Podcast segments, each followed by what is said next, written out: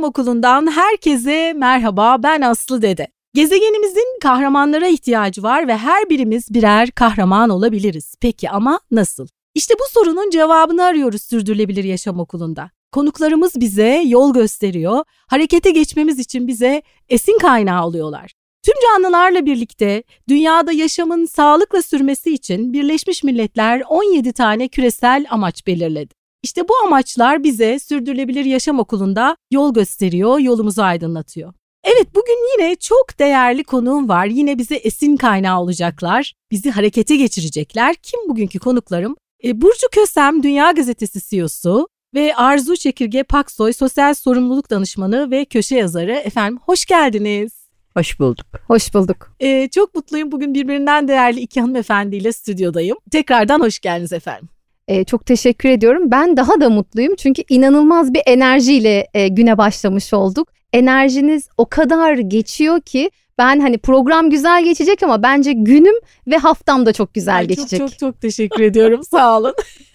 Evet davetiniz için çok çok teşekkür ederiz Aslı Hanımcığım sağ olun. Efendim rica ederim. Ben de yaptıklarınız için şimdi konuşacağız toplumsal fayda üzerine çok güzel bir e, ödül programı hazırladınız. Yıllardır bu konuya emek veren Arzu Çekirge Paksoy'un bu projenin içinde olması ve toplumsal faydaya yönelik ilk günden bu yana ama bir marka olarak e, hep çok saygıdeğer işlerin altına imza atmış Dünya Gazetesi'nin de işin içinde olması hak, hakikaten ilgi çekici benim için. E, şimdi öncelikle benim genelde bütün konuklarıma sorduğum bir giriş sorusu var. Bu artık gelenekselleşti. Çünkü sürdürülebilirlik sözcüğü özellikle son yıllarda çok çok çok sık kullanılıyor. Artık böyle bir sıfat gibi kullanılıyor.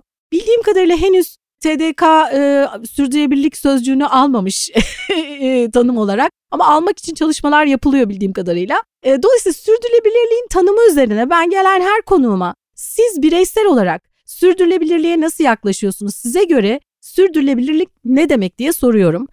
Eğer isterseniz kurumsal olarak bakışınızı da arkasından ekleyebilirsiniz. Önce kimle başlayayım? Burcu Hanım buyurun. ee, ben şöyle başlamak istiyorum. Aslında en sevdiğim sürdürülebilirlik tanımı nedir tarafından başlayayım. Sonrasında neden ben bu tanımı e, daha fazla seviyorum ve e, kurumda da sürdürülebilirlik konusunda neler yapıyoruz diye buradan da devam etmek isterim. Benim en sevdiğim tanım gelecek nesillerin kendi ihtiyaçlarını karşılayabilme kabiliyetinden ödün vermeden kendi ihtiyaçlarımızı karşılayabilmek. Yani bugün ben kendi ihtiyaçlarımı karşılamak için saçının teline zarar gelmesinden korktuğum, ürktüğüm, gözünün içine baktığım çocuğuma bir gelecek bırakamayacaksam, gerçekten yaşayabileceği bir ortam, yeşil bir çevre, nefes alabileceği temiz bir toplum bırakamayacaksam bence bugün yaşamamızın çok da aslında önemi yok. Yani bazen yaptıklarımızla söylediklerimiz birbirini tutmuyor. İşte biraz önce söylediğim gibi sürdürülebilirliğin benim için aslında şöyle bir önemi var. Ben herkesin bireysel olarak önce bir evine bakmasını istiyorum. Çocuklarınıza bakın. O kadar değer verdiğiniz çocuklarınızın gelecekte nasıl bir ortamda, nasıl bir dünyada, nasıl bir çevrede büyümesini ve çocuk yetiştirmesini istiyorsunuz? Oradan hareketle sürdürülebilirlik kavramını kendinize şiar edinin diyorum. Çünkü aslında özellikle iktisatta hep söylerler ya işte sınırlı kaynaklarla sınırsız ihtiyaçları karşılayabilme kabiliyeti değil mi iktisat bilimi? Aslında evet kaynaklarımızın sınırlı olduğunu biliyoruz. E, ihtiyaçlar da sınırsız diyoruz. Aslında bence ihtiyaçlar değil de istekler sınırsız. Bence burada ihtiyaç ve istek konusunun altını çizmek gerekiyor. Çok güzel söylediniz.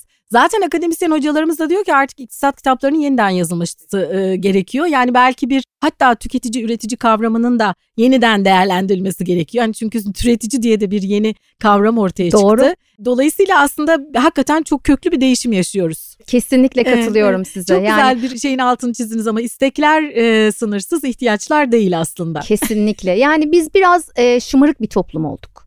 E, Ben o tarafına bakıyorum. Yani kendi e, tarafımdan da bakıyorum. Sürekli olarak tüketmek üzere hayatımızı kurguladığımız bir dönem olmuştu.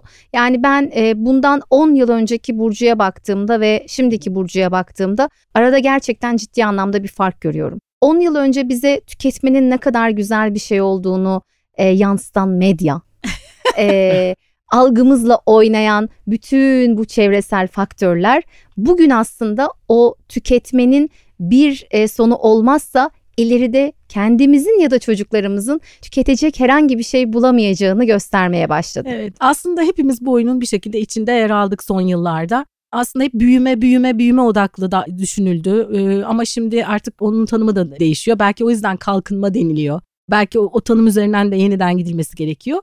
Peki efendim. Burada da araya girebilir miyim? Şey evet yani biraz önce söylediğiniz şey aslında belki de en çok konuşmamız gereken konu. İşte birinci sanayi devriminden sonra lineer ekonomi dediğimiz yani büyüme ve kar odaklı ekonomi bize sürekli tükete tükete üretim yapmayı işte al, yap, at.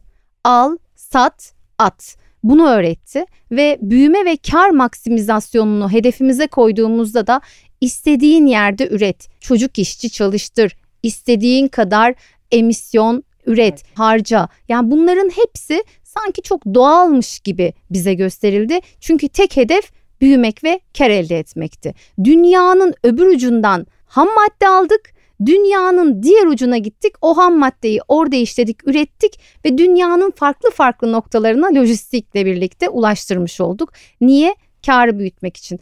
Ama bunu gören e, Avrupa Birliği dedi ki bakın burada çok önemli bir şey var. Biz hep Avrupa Yeşil Mutabakatı'ndan bahsediyoruz hı hı. ama orada hep sanki sosyal bir faydayı odaklamış gibi görünseler de aslında ekonomide de sürdürülebilirliğin artık olmadığını gören Avrupa Birliği bundan tam 20 2 yıl önce dedi ki bizim bir yerde durmamız lazım ve 3. sanayi devrimi başladı. Yenilenebilir enerjiyi konuşmamız lazım. Burada tekrardan karşılaştırılabilir üstünlüğümüzü tekrar geri kazanmamız lazım ve bizim yeşil mutabakat dediğimiz sistemle birlikte aslında tekrardan gücü elimize almamız gerekiyor dediler ve dediler ki sürdürülebilir büyümeyi hedefleyeceğiz. Artık sürekli daha büyümek, işte daha çok kar etmek, karı maksimize etmek değil de daha az kar et ama sürekli et. Evet. Ekonominin ve ticaretin dinamikleri de değişiyor. Artık şöyle tünelin ucuna bir bakmaya başladık değil mi? Evet, evet. bir sonu olabilir onu fark ettik.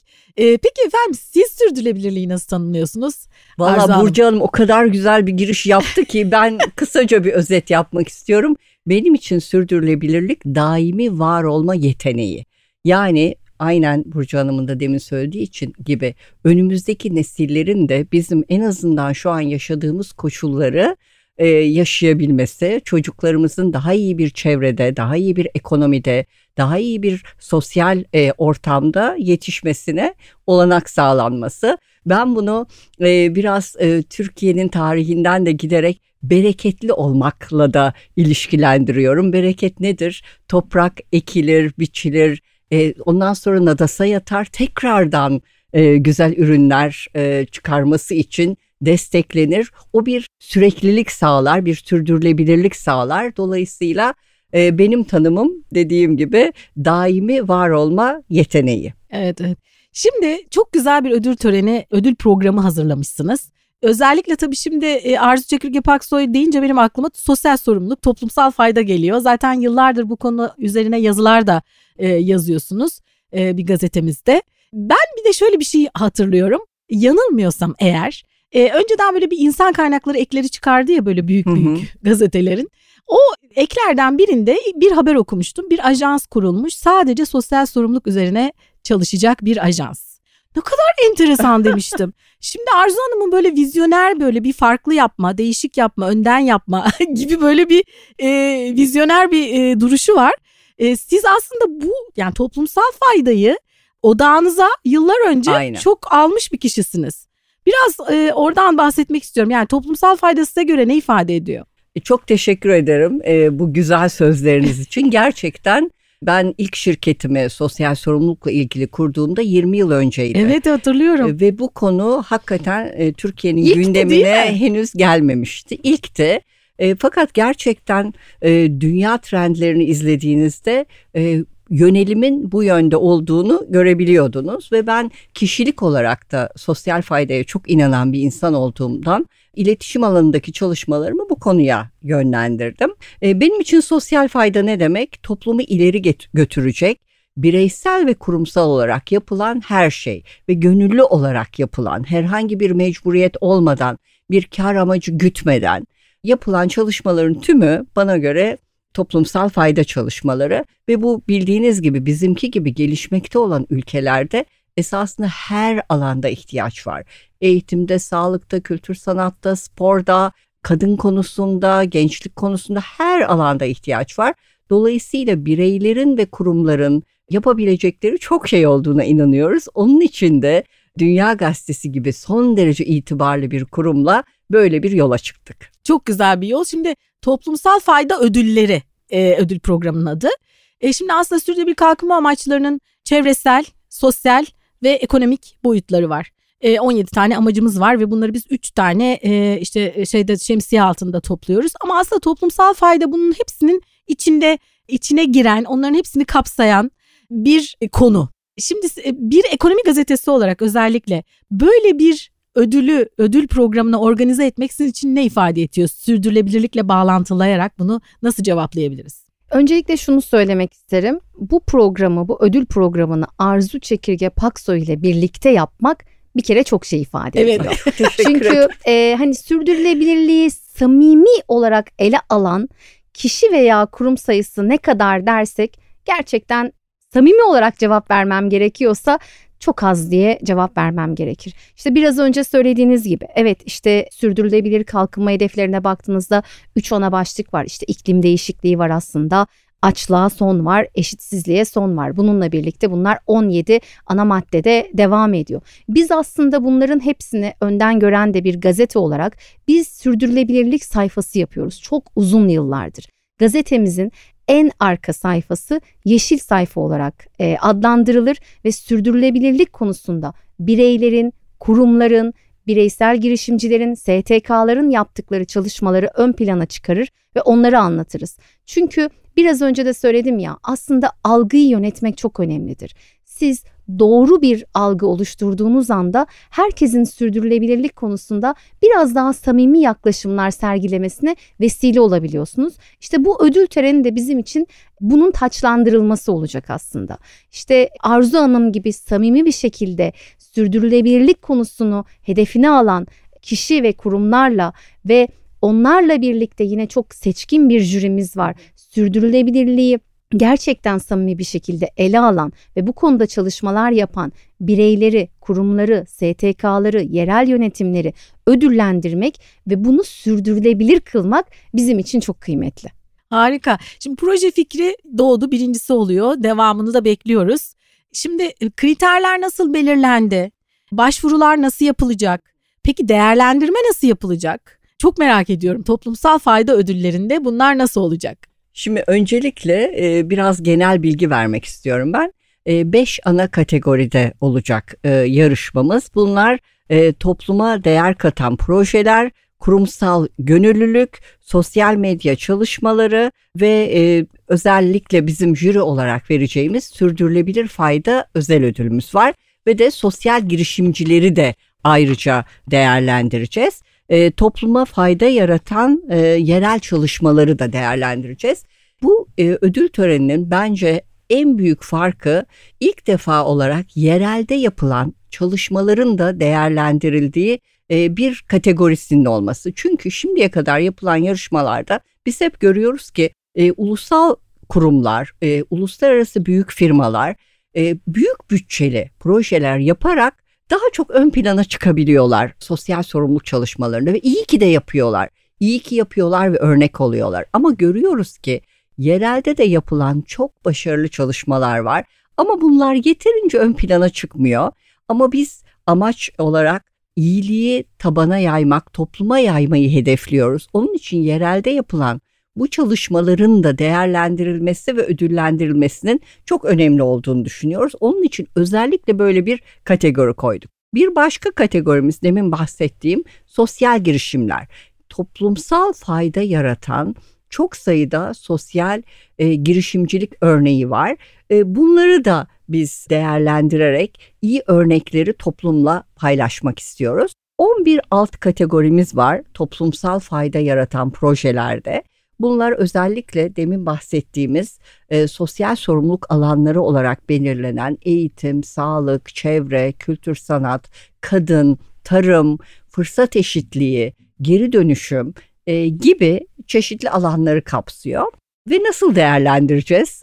Bu e, yarışmada e, biz özellikle dört konuya e, odaklanmak istedik. Birincisi özgünlük. Projenin özgün olması, yeni bir fikir olması çok önemli. İkincisi gerçek bir ihtiyaca çözüm üretmesi. E, çünkü bu konuda da görüyoruz bazı projeler evet fikirsel olarak çok güzel ama ayakları yere basmıyor, uygulanamıyor, sonuçlarını göremiyorsunuz. Dolayısıyla biz bunu gerçekten görmek istiyoruz. Üçüncüsü bugünkü başlığımız sürdürülebilirlik. Yani bir projenin sadece hani bir yıl yapılıp iki yıl yapılıp e, sonra başka konulara odaklanılmasının doğru olmadığını düşünüyoruz. Zaten sosyal sorumluluk danışmanlığı yaparken de biz her zaman deriz ki minimum 3 yılla başlayın. Bunun ortalaması 5 yıldır, ideali 10 yıldır. Çünkü e, bir algı yaratabilmek, bir marka itibarına katkı sağlayabilmek için uzun soluklu ve sürdürülebilir olması önemli projelerin ve her yıl yeni bir takım şeyler ekleyerek e, projeyi yenilemek ve genişletmektir önemli olan. Dolayısıyla bir kategorimiz de bu ve bence kişisel olarak en çok önem verdiğim kriterlerden biri de somut verilerle faydası kanıtlanmış projeler. Çünkü biz bunu çok görüyoruz e, farklı yarışmalarda. Sonucun ne olduğunu bilmiyorsunuz. Yarattığınız sosyal etkiyi anlayamıyorsunuz. Ama bunu araştırmalarla e, kanıtlayan, bize sosyal etkisini gösteren projeler jüriden daha fazla oy alabilecekler. Evet, yerel özellikle gerçekten önemli. Zaten sürdürülebilir kalkınma amaçları da ilk çağrısında hani yerele de özellikle bireye de hatta bireyden başlayarak e, çünkü aslında yerel ama gerçekten çok önemli. Çünkü yerelleri bir araya getirdiğinizde aslında küresel oluyor. yani o yüzden bir bütünün parçaları aslında. Onu özellikle altını çizmeniz gerçekten çok önemli. Burcu Hanım size sormak istiyorum. Jüriyi nasıl belirlediniz? Jüriyi aslında şöyle söyleyelim e, çok titizlikle e, belirledik ve e, Arzu Hanım'la birlikte bunun üzerinde sanırım bir üç gün falan durduk diyebilirim. Çünkü e, hepsi birbirinden kıymetli jüri üyelerimiz ama aynı zamanda onların da yine sürdürülebilirlik konusunda samimi niyetlerinin olmasına da özen gösterdik. Eğer vaktimiz varsa ben jürimizi sizlerle bir paylaşmak evet, merak isterim. Merak ediyorum evet. Evet Ahu Serter e, ben e, harf sırasına göre söyleyeceğim. Evet, tamam. Jürimiz de lütfen alınganlık evet, göstermesin aynen. çünkü biliyorsunuz biz burada hani olabildiğince samimi bir program yapmaya çalışıyoruz. Herhangi birini atlamamak adına Kaç tane yalnız? Göre, Çok zamanımızı e, alır mı saymak? 15. Yani o, azmış, 15. 15. Ahu Serter, Fark Labs kurucusu ve Arya Kadın Yatırım Platformu kurucusu. Neden Ahu? Çünkü özellikle kadın girişimciliğini ve kadınların yatırım alanında daha fazla olmalarını sağlayıp aslında kadınların pastadan eşit olmasa bile dengeli pay almalarını sağlaması üzerine çalışmalar yaptığı için. Arzu Çekirge Paksoy zaten Onu sosyal biliyoruz. sorumluluk danışmanı ve aynı zamanda bu konuda da köşesine sürekli olarak çok güzel yazılar taşıyor. Ayşe Kırımlı TOK Genel Müdürü, e, Banu Taşkın TEV Genel Müdürü, Didem Gordon etki ve ESG danışmanı ve Fayda Ventures kurucusu, Ebru Baybara Demir, Gönül Mutfağı kurucusu ve ben özellikle deprem zamanında kendisiyle çok etkileşimde oldum ve çok güzel çalışmalar da yaptık. Hala da orada sürdürülebilir kılıyor o çalışmaları. Evet, geçen gün bir e, canlı olarak kendisini dinleme e, olanağım oldu gerçi ağladım. Evet. Ebru gerçekten Gözlerim öyle. doldu. Hani bunu evet, samimiyetle çok, çok yapan ender Kesinlikle. insanlardan biridir Umarım kendisi. Umarım bir gün onu konuk almak istiyorum. İnşallah. Evet. Ee, Emin Erdem, Sedefet Başkanı, Fügen Toksu İletişim Yönetimi Danışmanı, İbrahim Betil, Tok Sen de Gel Vakfı kurucusu, Orhan Turan, TÜSİAD Başkanı ve e, Profesör Doktor Itır Erhat, e, Bilgi Üniversitesi öğretim üyesi, Profesör Doktor Zeynep Karahan Uslu, Çankaya Üniversitesi Halk İlişkiler ve Reklamcılık Bölümü Başkanı, Ufuk Tarhan, Dünya Gazetesi yazarı, fütüristik diyoruz ve aynı zamanda girişimci kendisi. Yeşim Beyla, kurumsal sürdürülebilirlik danışmanı ve sürdürülebilirlik danışmanlığını aslında ilk ele alan isimlerden birisi ve e, yine Doktor Elif Ulu var. E, kendisi hem bizim köşe yazarımız hem de e, çok değerli bir öğretim üyesi ve Demirkent Vakfı'nın da genel müdürü. Bir de ben e, nacizane jürilerde bir oyum e, var. E, tabii ki burada e, jürimizin bütün projeleri çok dikkatle ele alacağına eminiz. Çünkü hepsi saydığım gibi birbirinden kıymetli ve değerli jüri üyeleri. Öncelikle kriterler var. Onları dikkate alacak yapacaklar ve puanlamalarını yapacaklar ve sonrasında yüz yüze bir toplantı yapacağız ve hak edenlerin hak ettiği şekilde ödüllendirilmesini sağlayacağız. Başvurular internet üzerinden yapılıyor. İnternet üzerinden toplumsalfaydaödülleri.com sitesine girip başvuru yapabilirler. Ee, bir kurum, bir kişi, bir STK ya da bir yerel yönetim sadece bir konuda değil birden çok kategoride de aslında e, başvuru yapabilir. Peki ne kazanacaklar? ee, birincisi şunu kazanacaklar. Toplumdaki diğer insanların bir uyanışa geçmesine vesile olacaklar. Hı. Bence bu ödül töreninin en evet, e, güzel aynen. noktası bu. Yani biz aslında biz e, bir uyanış hareketi başlatmak istiyoruz.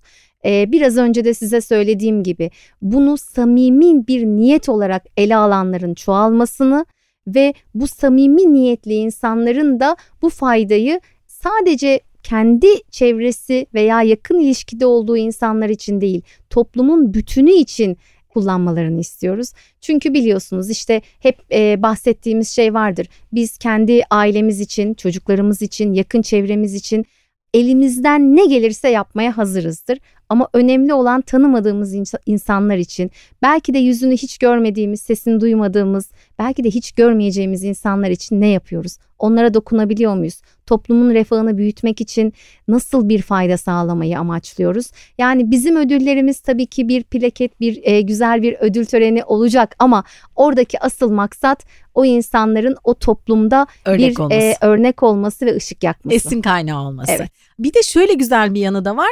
E, bu e, aynı zamanda eğitime e, bir katkı da sağlanacak evet. değil mi bu tabii, bu ödül tabii. töreniyle? Ondan da söz edelim mi? Ee, evet 4 yıl önce Demirkent Eğitim ve Araştırma Vakfı'nı kurmuştuk. Orada özellikle kız çocuklarının eğitim hayatına katkı sağlamak bizim birinci önceliğimizdi. Ve burada biraz daha pozitif ayrımcılık yaptık. Çünkü dokunabileceğimiz ve ileride de mesleki yaşamlarında destek olabilmek adına ekonomi, iletişim ve tarih bölümlerinde okuyan kız öğrencilerin eğitim hayatına dokunmak istedik.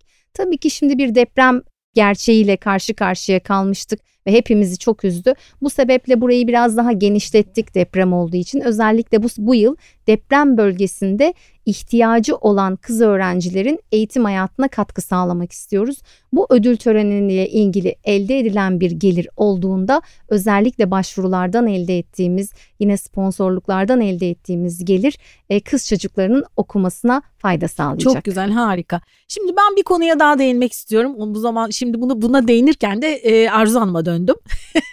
Çünkü bu biraz daha sizin alanınıza giren deneyimlediğiniz bir konu. E, yazıyorsunuz da yıllardır bu konuda. Şimdi gönüllülükle ilgili bir kategori var. Evet. Ben yıllar önce az önce yayına girmeden önce de anlatmıştım. Paylaşmak istiyorum onu. Yıllar yıllar önce şimdi tabii ekolojik çiftliklerle çok tanıdıklarım var. Ve ekolojik çiftliklerle sohbetlerimde o gönüllü çalışanları oluyor ekolojik çiftliklerin. E, hem Türkiye'den hem dünyanın farklı yerlerinden özel organizasyonlara e, bağlantılı çalışıyorlar. İşte Buğday Derneği ile çalışıyorlar. Buğday Derneği zaten dünyadan bir organizasyonla bağlantılı çalışıyor. E, hep bana şöyle şeyler söyledikleri olmuştu. Ya bizim Türkler gönüllülüğü bilmiyor. Tatile geliyormuş gibi geliyorlar. O yüzden biz daha çok yabancıları tercih ediyoruz. Şimdi kurumlar son dönemde gönüllülük çalışmalarını çok önem vermeye başladı. Dolayısıyla bu kavram içi dolmaya başladı. Biz de bunu öğrenmeye başladık. Aslında biz yardım da çok seven bir milletiz ama hani bu gönüllülük böyle canı isterse yapmak, canı isterse yapmamak gibi bir hale bürünebiliyor. Çünkü gönüllülüğün karşılığında aldığınız bir ücret yok, bir para yok. Hani o dolayısıyla ama aslında onu sanki bir paralı bir işmiş gibi disiplinli yapmak gerekiyor bir taraftan da değil mi? Kesinlikle. Ben sordum ama cevabını da veriyormuş gibi oldu. ne düşünüyorsunuz Valla cevabını güzel verdiniz. Kendi kendime eklemelerimi yapabilirim sadece. Şimdi dediğiniz çok doğru. Gönüllülük birincisi Türkiye'de kesinlikle yanlış anlaşılıyor. Çünkü mesela e, insanlara sorduğunuzda gönüllü çalışmalarda bulunuyor musunuz? Evet bağış yapıyorum diyorlar. Ha. Yani bazı yerlerde gönüllülük bağış yapmakla ha. bir STK'ya nakdi bir şey olarak aynen bir STK'ya bağış yapmakla eşdeğer bile kabul edilebiliyor.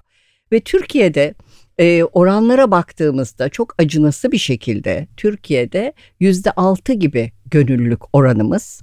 Bu dünyada ve özellikle Avrupa'da yüzde ellinin üzerinde insanların gönüllülük yapma oranı ve Türkiye'de baktığınızda gönüllülerin büyük çoğunluğu gençler, üniversite gençleri. O da üniversitede okudukları süre içinde e, bir STK'ya destek olabiliyorlar veya işte e, çocuklarla ilgileniyorlar, yaşlılarla ilgileniyorlar. O sürecin içinde var olabiliyorlar. Ve bu süreçte de özellikle Toplum Gönülleri Vakfı gibi üniversiteli gençleri örgütleyerek onları e, toplumla bir araya getiren ve fayda yaratan e, STK'ların da büyük önem taşıdığını düşünüyorum. Kurumsal gönüllüye gelince dediğiniz gibi son yıllarda özellikle yükselen bir değer. Neden? Çünkü insanlar artık anlam arıyorlar. Daha farklı şeyler yapmak istiyorlar ve özellikle çalışanlar çalıştıkları şirketlerin e, anlamlı şirketler olmasını tercih ediyorlar. Özellikle Z kuşağı e, bir e, iş yeri başvurusu yaptığında o şirketin hangi konulara önem verdiğini, değerlerinin ne olduğunu ve gerçekten nasıl bir fayda yarattığını inceleyerek giriyor. Dolayısıyla biraz da nitelikli elemanı tutmak için de şirketlerin e, yoğunlaştığı bir alan kurumsal gönüllülük ama iyi ki İyi ki de öyle. Kurumsal gönüllülük artmalı.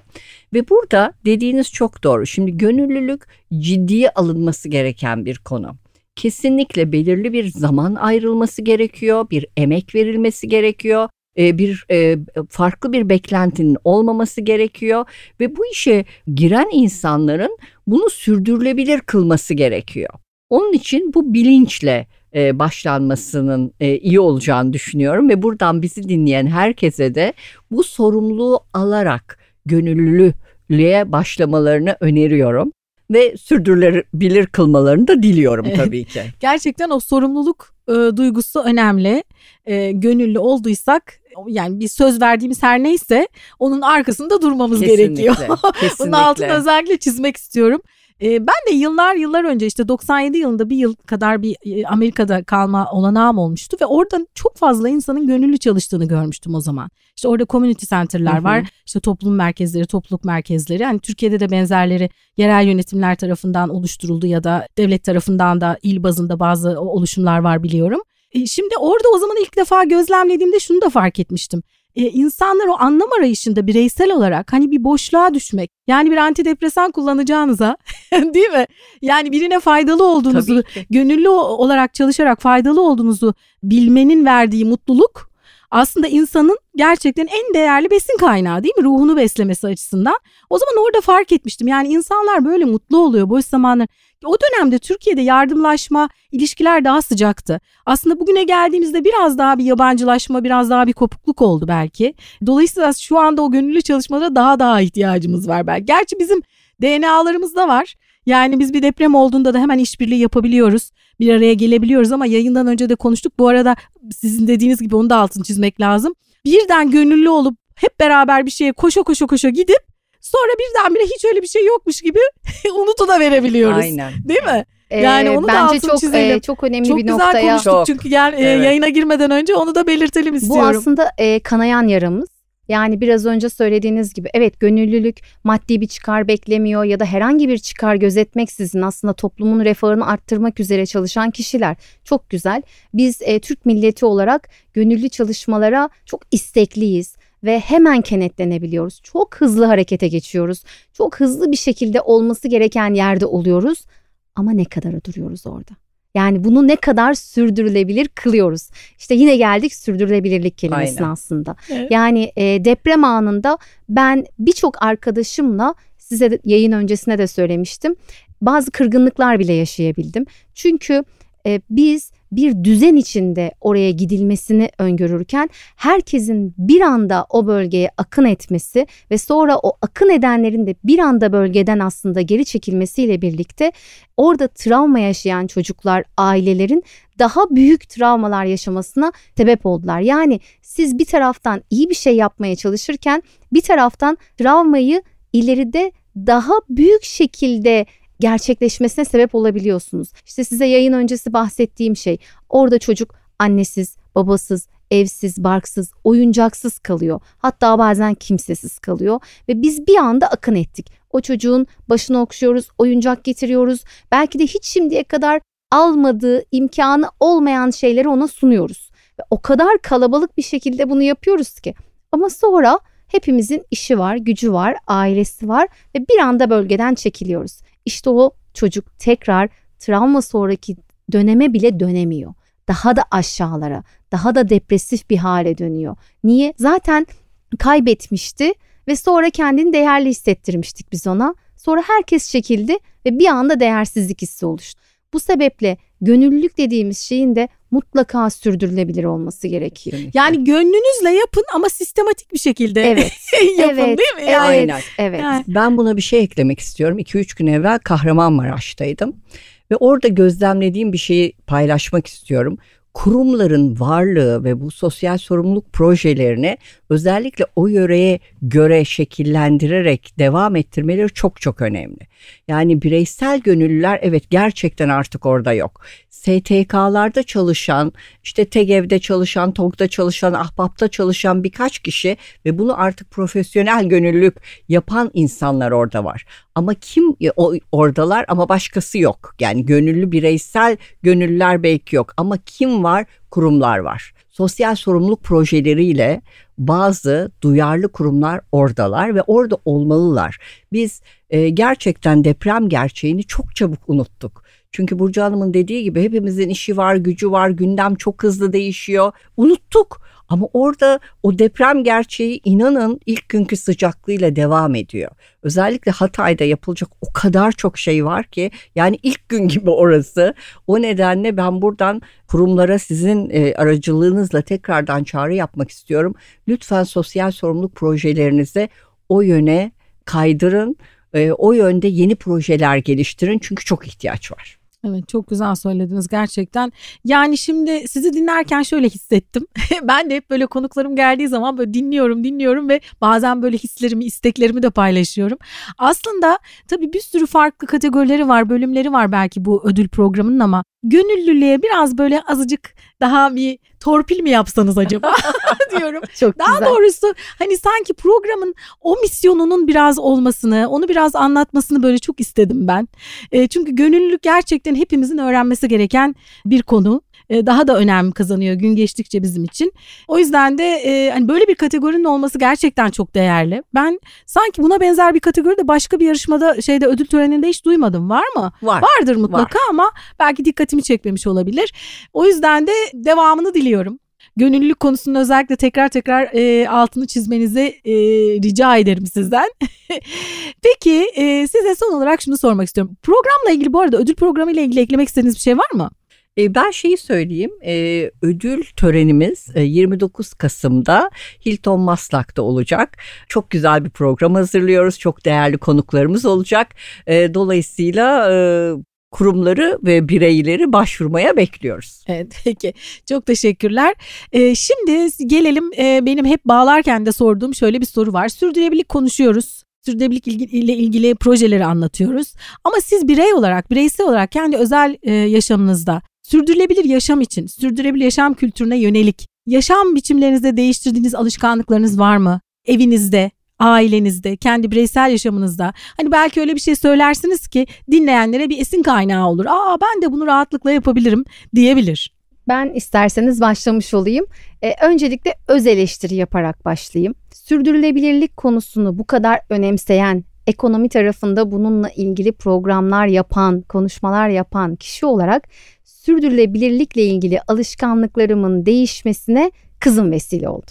Ee, nasıl oldu? Sürdürülebilirlikle ilgili dersler görmeye başladılar ve o gördüğü derslerle birlikte eve geldiğinde işte ben biraz şeyi severim, aydınlığı severim. Yani aydınlıkta oturacağım, çıktığım yer de aydınlık olsun, girdiğim yer de aydınlık olsun diye aslında bunun ne kadar e, bencilce bir davranış olduğunu işte kızımla olan sohbetlerde e, tamamen içselleştirdim ve öncelikle evdeki aydınlatma ile ilgili başladım. Sürdürülebilirlik kısmına katkı sağlamak için neler yapabilirim? Önce evimizden başlayacağız dedik.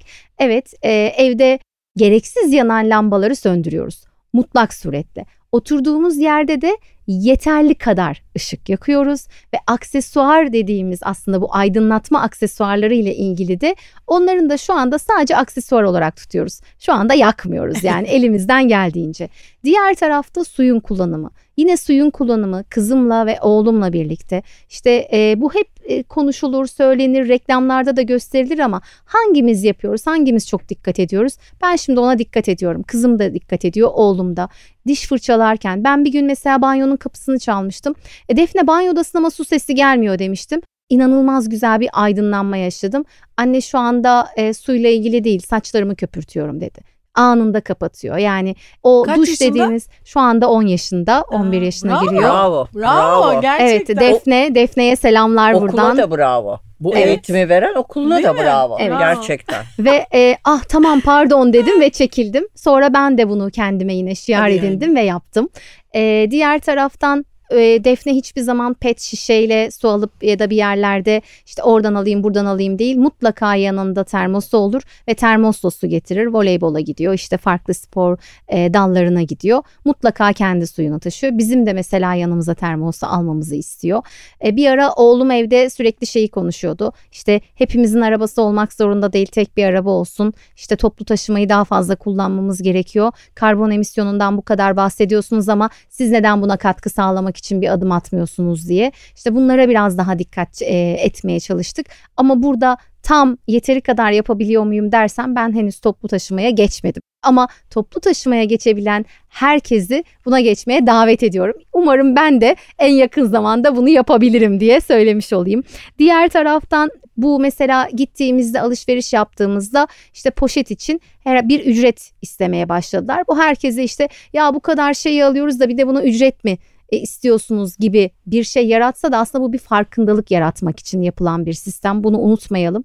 Olabildiğince kendi yanımızda kendi bez çantamızı getirip ya da bir büyük poşet alıp belki aldığımız tüm her şeyi onun içine koyarsak sürdürülebilir yaşam için bir fayda sağlamış oluruz. Yağ kısmında kızartmalık yağları asla ve asla e, lavabolardan dökmüyoruz. Mutlaka onları ayrı e, cam şişelere koyup sonrasında e, geri dönüşüm kutularına e, olması gereken kutuya mutlaka koyuyoruz. Bunu kendim de evdeki e, yardımcımız da hepimiz buna dikkat ediyoruz.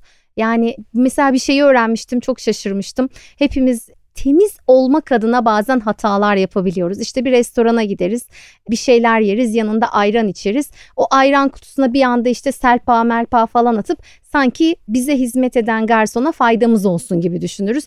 Ama aslında orada bir anda dönüştürülebilir ürün olmaktan çıkarıyoruz aslında o plastik ayran e, kabını. Belki de onun içine o iyilik yapmak adına o atık malzemeleri atmasak dönüştürülebilir ürün haline geleceğiz. Ya da çekirdek yiyorlar bazıları işte pet şişelerin içine atıyorlar. Aman çevreyi kirletmeyelim. Aslında belki de farkında olmadan çevreyi daha çok kirletiyorlar. Çünkü o dönüştürülebilir ürün olmaktan çıkıyor. Bunlara da dikkat çekmek isterim.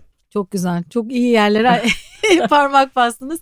Ben de hep şu hani meyve sebze reyonundaki poşetleri ister istemez kullanıyoruz ya bir şekilde. Böyle içim acıyor. Yani buna da bir sürü bir şey bir, bir şey geliştiremediler buna alternatif diye düşünüyorum. Hani çünkü eskiden öyle bir şey yoktu. Tabii. Doğru. Hani birdenbire değil mi? Biz nasıl unuttuk onu? Aslında biz gördük yani. Bizim kuşak bunu biliyor. Böyle bir şeyin olmadığını biliyor ama yine de gidiyor. Gittiğimiz zaman markete bir şekilde onu kullanıyoruz. Aslında şimdi inovasyonla sürdürülebilirliği çok yakın birlikte e, işliyorlar biliyorsunuz. Belki de bu kuşağın yeni şeyler geliştirme yani inovatif şeyler. Hı hı. Bunun yerine başka bir şey koyacak bir şey e, geliştirecek belki bu kuşak. Nasıl ki dijitalleşmeye geçtiğimiz zaman hani inovasyon onunla birlikte devreye girdi. Dijital e, tekniği kullanarak hayatımızı kolaylaştıracak ya da bizi daha ileriye götürecek bir sürü yeni inovatif proje gelişti. Şimdi de sanırım bu kafa kafanın biraz o tarafa çalışması gerekiyor sürdürülebilirlikle e, diye düşünüyorum. Siz neler yapıyorsunuz? Valla ben pazara fileyle gidiyorum. Öncelikle. Yani biraz Eskiden olduğu eskiden gibi. olduğu gibi bir, biraz bazı şeylerde e, eskiye dönmekte fayda var. E, gerçekten büyüklerimize baktığımızda ne kadar tutumluydular.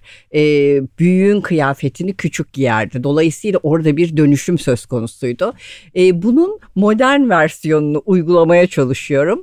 E, gerçekten çok sayıda kıyafetimizi hepimiz e, bu mevsim dönüm dönüşlerinde e, muhtarımıza veriyoruz. Bizim çok aktif bir muhtarlığımız var gerçekten. E, orada ihtiyacı olanlara dağıtım yapıyorlar. Ayrıca hiçbir şekilde plastik poşet ve plastik herhangi bir ürün kullanmıyoruz. Bu konuda çok nacizane bir önerim var. E, biz çelik pipet kullanıyoruz ve inanılmaz e, efektif bir ürün. E, sürekli yıkayarak kullanabiliyorsunuz. Ayrıca elektronik atıkları her zaman toplayıp TEGEV'e bağışlıyoruz. TEGEV'in böyle bir kampanyası var. Hatta e, postaneye gittiğinizde TEGEV'e bağışladığınızı söylediğinizde ücretsiz olarak elektronik atıklarınızı alabiliyorlar. E, dolayısıyla mümkün olduğunca sadeleşerek e, çevreye zararsız şeyler kullanarak katkıda bulunmaya çalışıyorum ben de. Bir şey soracağım. Ben şimdi hani elektronik atık kısmını belki bunu da öğrenmiş olayım.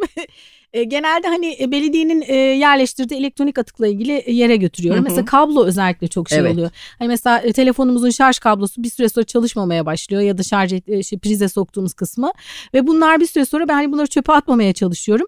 TGV bunları da verebiliyor muyuz? E, verebiliyorsunuz bildiğim kadarıyla. Çünkü onlar dönüşüm e, şirketlerine gidiyor ve orada ayrıştırılıyor. Ben böyle bir şirketi ziyaret etmiştim, inanamamıştım. Yani o telefonunuzun katmanlarından altın olan yerler var içinde. Onları bile tek tek topluyorlar. Altınları, çelikleri ayrı ayrı değerlendirebiliyorlar. Onun için lütfen evinizdeki eski çalışmayan işte kulaklıkları, telefonları, kabloları, kabloları atmayalım. Onları toplayarak dediğim gibi bir iyiliğe de vesile olabilirsiniz. Çok güzel harika. Burada bir ilave yapmak istiyorum. Dijital e, dediğinde bir anda çağrışım yaptı Arzu Hanım. Dijitale e, burada biraz daha yönlendirdiğinde bizi. E, dijital tarafta hepimiz aslında bilgisayarlarımızdaki e-postalar ya da bulut sağlayıcılardaki veriler e, ya da e-postaların herhangi bir atık olmadığını düşünüyoruz. Çevreye zararı olmadığını düşünüyoruz. Aslında bilgisayarımızda veya bulut sağlayıcılarda bulunan her bir e-posta 0.3 gram karbon emisyonu yaratıyor. Bu sebeple eğer sürdürülebilirlikten bahsediyorsak önce e-maillerimizi temizleyerek ya da telefonumuzda ya da bilgisayarımızda fazladan olan e, fotoğrafları silerek, verileri silerek de e, dijital temizliğe katkı sağlayabiliriz ve sürdürülebilir kılabiliriz. Çok güzel bir noktaya değindiniz. E, dijital ayak izi diyoruz evet. aslında biz bunu. Hatta bununla ilgili bizim biz de işte sürdürülebilir yaşam okulu olarak böyle bazı eğitimlerimiz var. Dijital ayak izinin azaltılmasına yönelik bir eğitimde bizim bahsettiğimiz bir şey. Bu çok basit. Aslında hepimizin bilmesi gereken ama nedense bilmediğimiz ve yapmadığımız bir şey. Evet. yani bir de o da zaman alıyor tabii. Yani e, ben böyle ayrıca ona sırf e-mail ve işte e, telefondaki WhatsApp mesajlarının temizliği yani tutuyoruz bazen çünkü iş gereği bazılarını. Dolayısıyla çok güzel bir noktaya değindiniz. E, çok teşekkür ederim bunu da eklediğiniz için. Aslında bir zihniyet değişikliği gerekiyor diyoruz biz. Yani bir sürdürülebilirlik kafasına, bir sürdürülebilirlik zihnine geçmek gerekiyor diyoruz. Bizim bir de son dönemde oluşturduğumuz bir kavram var sürdürülebilirlik zekası. Hmm, çok güzel. Yani IQ çok ve güzel. EQ'dan sonra şimdi bir SQ diye bir e, kavramın altında bazı eğitimlerimiz var. İşte e, bu kafaya geçmek gerektiğini düşünüyoruz. Dolayısıyla aslında bizim hepimizin sürdürülebilirlik zekamızı biraz daha yükseltmemiz gerekiyor diye düşünüyoruz. çok güzel bu kavramı e, özellikle inceleyeceğim. Evet. e, efendim yeni biz icat ettik. Evet. Anlatırım size. Çok evet, sevinirim. Evet e, yani icat ettik dediğim uluslararası literatürde böyle bir şey yok. E, biz bu kavramın içini şimdi yavaş yavaş doldurmaya başladık. Zaten yaptıklarımız vardı onları buraya entegre ediyoruz şu anda. Efendim çok teşekkür ediyorum katkılarınız için. Böyle bir programı organize ettiğiniz için böyle bir ödül programını geleceğini çok güzel görüyorum. Çok çok teşekkürler tekrar. Biz çok teşekkür ederiz katkılarınız için. E, bu e, ödül programının duyulmasında e, bu programın da çok önemli bir etkisi olacağına inanıyoruz. Çok teşekkürler. Aslanım program yapmak çok keyifliydi. Her şeyden önce inanılmaz keyif aldım ve o şekilde ayrılıyorum e, bu haftamız sürdürülebilir keyifli kılacaksınız. Teşekkürler. Çok teşekkürler sağ olun. Bir bölümün daha sonuna geldik. Bugün kimler konuklarımdı? Dünya Gazetesi CEO'su Burcu Kösem ve sosyal sorumluluk danışmanı köşe yazarı Arzu Çekirge Paksoy bugün konuklarım oldular. Bize nasıl ulaşabilirsiniz? Sosyal medyadan Sürdürülebilir Yaşam Okulu yazarak ya da sürdürülebiliryaşamokulu.com adresinden bize ulaşmanız mümkün. Ben Aslı Dede bir sonraki bölümde buluşmak üzere demeden önce başta ne söylemiştik? Tüm canlılarla birlikte dünyada yaşamın sağlıkla sürmesi için gezegenimizin kahramanlara ihtiyacı var ve o kahraman sen olabilirsin. Harekete geç.